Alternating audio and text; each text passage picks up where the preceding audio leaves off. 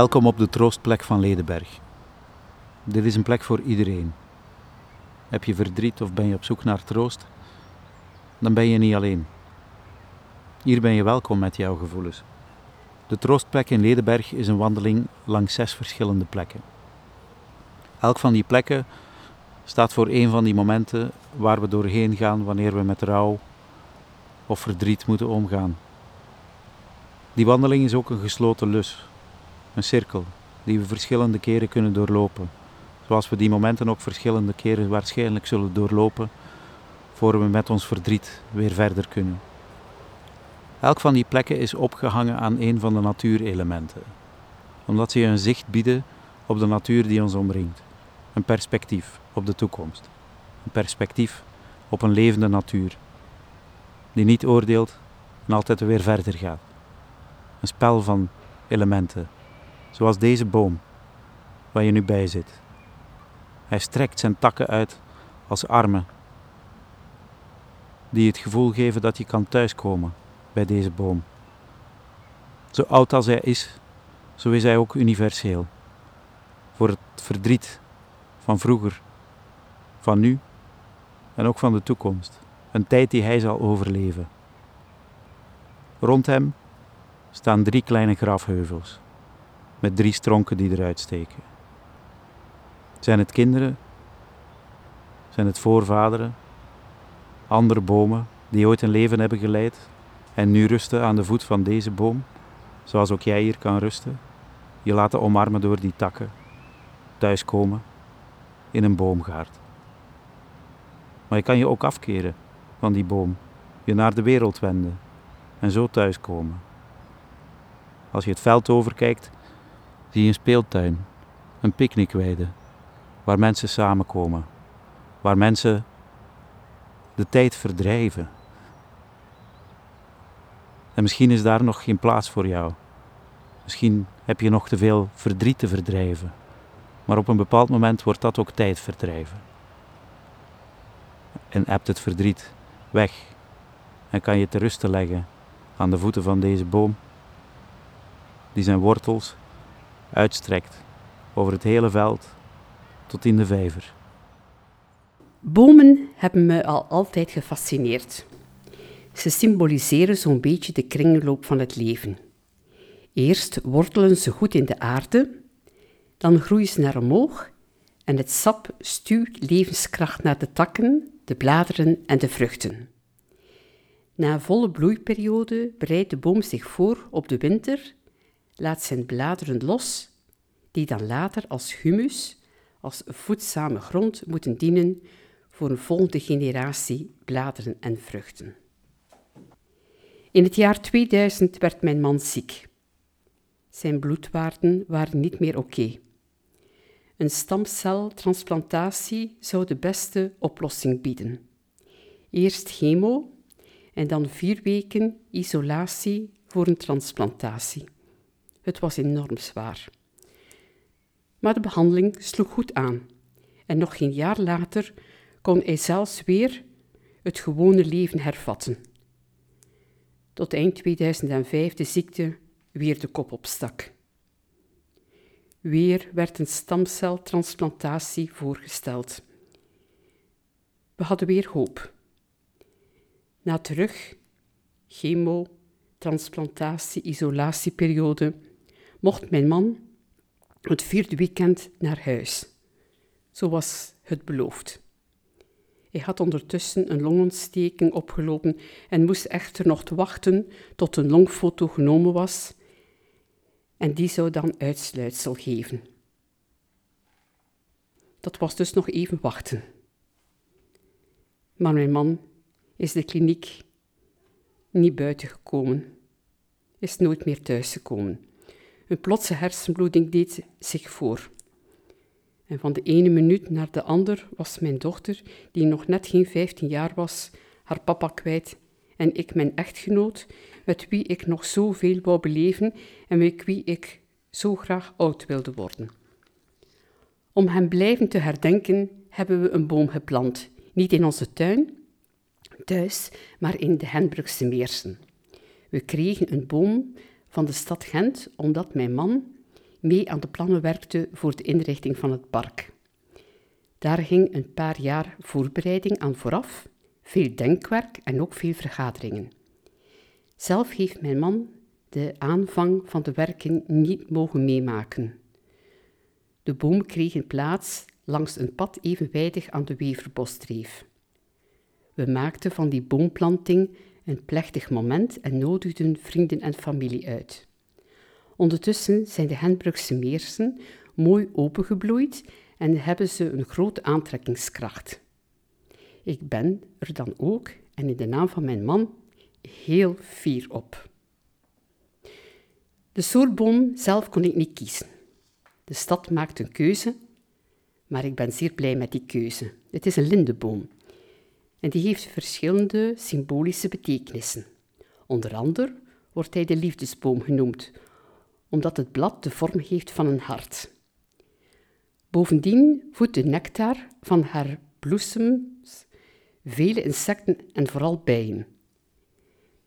We hebben dan ook zelf een insectenkast, bij ons was het een vlinderkast, gemaakt en naast de boom aan het paal opgehangen. Mijn schoonzus, die op dat moment een cursus houtbewerking volgde, maakte een houten kast en mijn zus, die goed kon tekenen, zorgde voor een tekening op de voorkant. En ook kwam zijn naam erop, Daniel. Elk jaar doen we dan met de familie een wandeling rond de periode van zijn overlijden. Wij kleden de wandeling wat in. Eén keer een zoektocht met natuurvragen, een andere keer een fotozoektocht, met daarna een familiepicknick als de weer het mensen toelaat. We willen ook zorgen voor meer diversiteit in de natuur, omdat we ervan overtuigd zijn dat dat meer dan nodig is. En met het plaatsen van een vlinderkast dragen wij ons steentje bij. Als we vlinders willen aantrekken, moeten we dan daar ook de gepaste bloemen bij hebben. Ik zorg dan voor een zakje gemengd bloemenzaad voor vlinders. Die bloemen zijn eenjarigen, dus elk jaar moeten we opnieuw zaaien. En elk jaar opnieuw maken we de grond klaar rond de boom. We lopen dan met kruiwagens over en weer. De grond mag ik halen nabij de klimaatloods aan de Weverbosdreef. Dat is de werkplaats waar alle grief staat om de onderhoudswerken te doen in de Henbrugse Meersen. Door dit allemaal te doen, herdenken we niet alleen onze geliefde overledenen, maar doen we verder het werk waar mijn man volop mee bezig was. Natuurbescherming en natuureducatie. Zo zorgt de de boom echt voor verbinding. De boom leeft, groeit en elk seizoen is er verandering te zien. Het spreekt me veel meer aan dan de plaats waar zijn urne staat op het kerkhof in Henbrugge. De boom staat in mijn man zijn biotoop, bij de wilde bloemen, bij de vogels, bij de paddenstoel, bij de vlinders en de insecten. En ik zie hem zo staan, zijn verrekijker in aanslag en over zijn schouder zijn veel te zware tas met natuurboeken. Mijn man en ik leerden elkaar kennen in natuurvereniging. Dat was toen Wielwal Gent. De naam is later vervangen door Natuurpunt Gent. Als natuurgids was mijn man vooral geïnteresseerd in vogels. Daarom ben ik nog altijd zo blij als ik vogels zie en hoor. En eentje is voor mij altijd een. De tijd dat we verkeerden kwam mijn man bij mij op bezoek. Ik woonde toen op het kerkplein Heilig Sint-Amansberg. En op de nok van het dak, recht tegenover mijn huis, zat op een bepaald moment een zwarte vogel. Ik had er geen erg in, een zwarte vogel, een merel. Maar toen mijn man het geluid hoorde, wist hij het onmiddellijk. Ah, maar dat is een roodstaart. En inderdaad, de vogel vloog op. En wij zagen mooi zijn rode staart. En ik heb die daar dan de hele week teruggezien. Ieder jaar komt zo op het eind van april die vogel vanuit het zuiden naar onze streken terug. Toen ik de dag van de begrafenis onze auto terug in de autobox wilde zetten, dat was 28 april, en vandaar naar huis wilde stappen, hoorde ik ineens die zwarte roodstaart. Hij zat boven op zo'n wit porseleinen potje van een elektriciteitspaal. Ik heb hem de hele tijd staan bewonderen terwijl hij zijn liedje verder zat te zingen. En dat ging mij door merg en been. Het was precies of mijn man mij op die moment kwam groeten. Ook stuurde ik eens een brief naar het postkantoor 000000. Naar dat postkantoor kun je een brief schrijven naar een overledene. De 00 wijst op de jaartelling. Terug vanaf 0. Er is voor de nabestaanden een leven met en een leven zonder de overledene. Dan lezen enkel tekenaars de inhoud van de brief en wat hun speciaal raakt, dat drukken ze uit in een tekening. En die krijg je dan een tijdje later in je bus. Ik had zoiets gezien in het tv-programma Iedereen Beroemd. Vooral van Sassafras, haar tekeningen, daar was ik weg van. Omdat zij zo goed een emotie in een tekening kan verwerken. Ik heb dan ook een tekening van haar gekregen. Met een zwarte roodstaart. Met in zijn bekje een lijntje die loopt tot de rand van de tekening. Een teken van verbondenheid. Neem aan dat die tekening, dat ik die koester.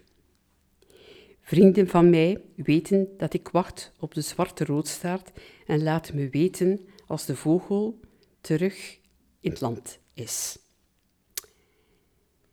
Als je iemand lief hebt en je moet daar definitief afscheid van nemen, dat doet dat enorm veel pijn. Zeker als dat dan nog onverwacht komt. Het overrompelt u. Net een orkaan die helemaal overspoelt. En dan ben je dankbaar dat je familie en vrienden hebt die dat verdriet helpen dragen. Gewone kleine dingen zijn dan nog zo belangrijk om je getroost te weten. Zo had ik mijn broer die aanbood om die eerste nacht bij ons te blijven slapen. Mijn zus die me meenam om kleren te kopen omdat ze vond dat ik er op de begrafenis goed moest uitzien. Vrienden die een mooie recente foto kwamen brengen van mijn man, goed voor op het herdenkingsprentje. Neefjes en nichtjes die hun beste beentje voor hebben gezet om muziek te brengen op de begrafenis. Een vriendin die de dag nadien aan de deur stond met warm eten, voor die eerste dag nadat alles voorbij was. De dag van de begrafenis vond ik niet de zwaarste dag dan ben je nog goed omringd. Het zijn vooral de dagen die daarop volgen. Die verscheurende verandering maakte me toen heel onrustig en wanhopig en ik durfde toen niet in de verte te kijken. En dan komt er een moment dat je heel bewust de keuze moet maken, hoe moeilijk ook. Niet voor niets spreekt men van rouw arbeid. Kiezen, bewust kiezen om weer leven te scheppen, weer dromen te maken en ervoor te gaan. En ik heb het van in het begin tegen mezelf gezegd: ik kom hier door. Ik kom hier door. En ik heb dat altijd maar tegen mezelf herhaald. Het was trouwens het devies van mijn man, ook als hij ziek was. Voortoen. En zo staat het ook op zijn herdenkingsprentje. Anders gebeurt er niets, kwijnt je weg. En ik had ook nog onze dochter, die haar eigen weg moest vinden. En nu leef ik verder met mijn man in mijn gedachten.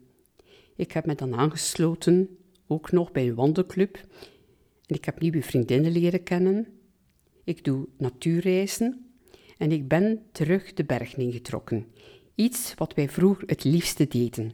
Met rugzak, de wandelschoenen aan, de bergen in.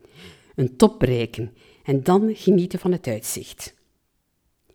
Ik heb me dan ook voorbereid om eens een hele hoge berg te beklimmen. Zo stond ik in januari 2019 op de top van de Kilimanjaro. En ik huilde van geluk, niet alleen omdat het mij gelukt was, maar ik voelde maar daar een moment wel intens gelukkig, zo tussen hemel en aarde. En al die mooie herinneringen dat we samen toppen bereikten, die kwamen terug. Mijn man zou zeker fier geweest zijn dat ik het niet liet hangen en moedig mijn weg verder ging. Maar ieder jaar kijk ik terug uit naar voor, de mij, voor mij speciale vogel. En dan heb ik zoiets alsof ik die rustige, diepe stem van hem hoor. Ik ben er.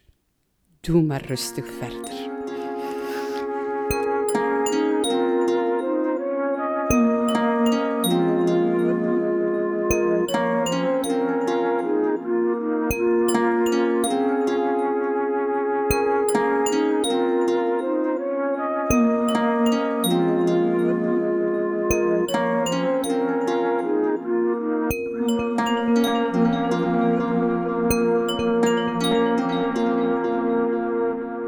De Troostplek is een initiatief van lokaal dienstencentrum De Knoop, wijkgezondheidscentrum Botermarkt en woonzorgcentrum De Vijver. De audioverhalen werden verteld door wijkbewoners uit Ledenberg en kwamen tot stand in samenwerking met Relaas en met de steun van de stad Gent en Zorgzame Buurten Vlaanderen.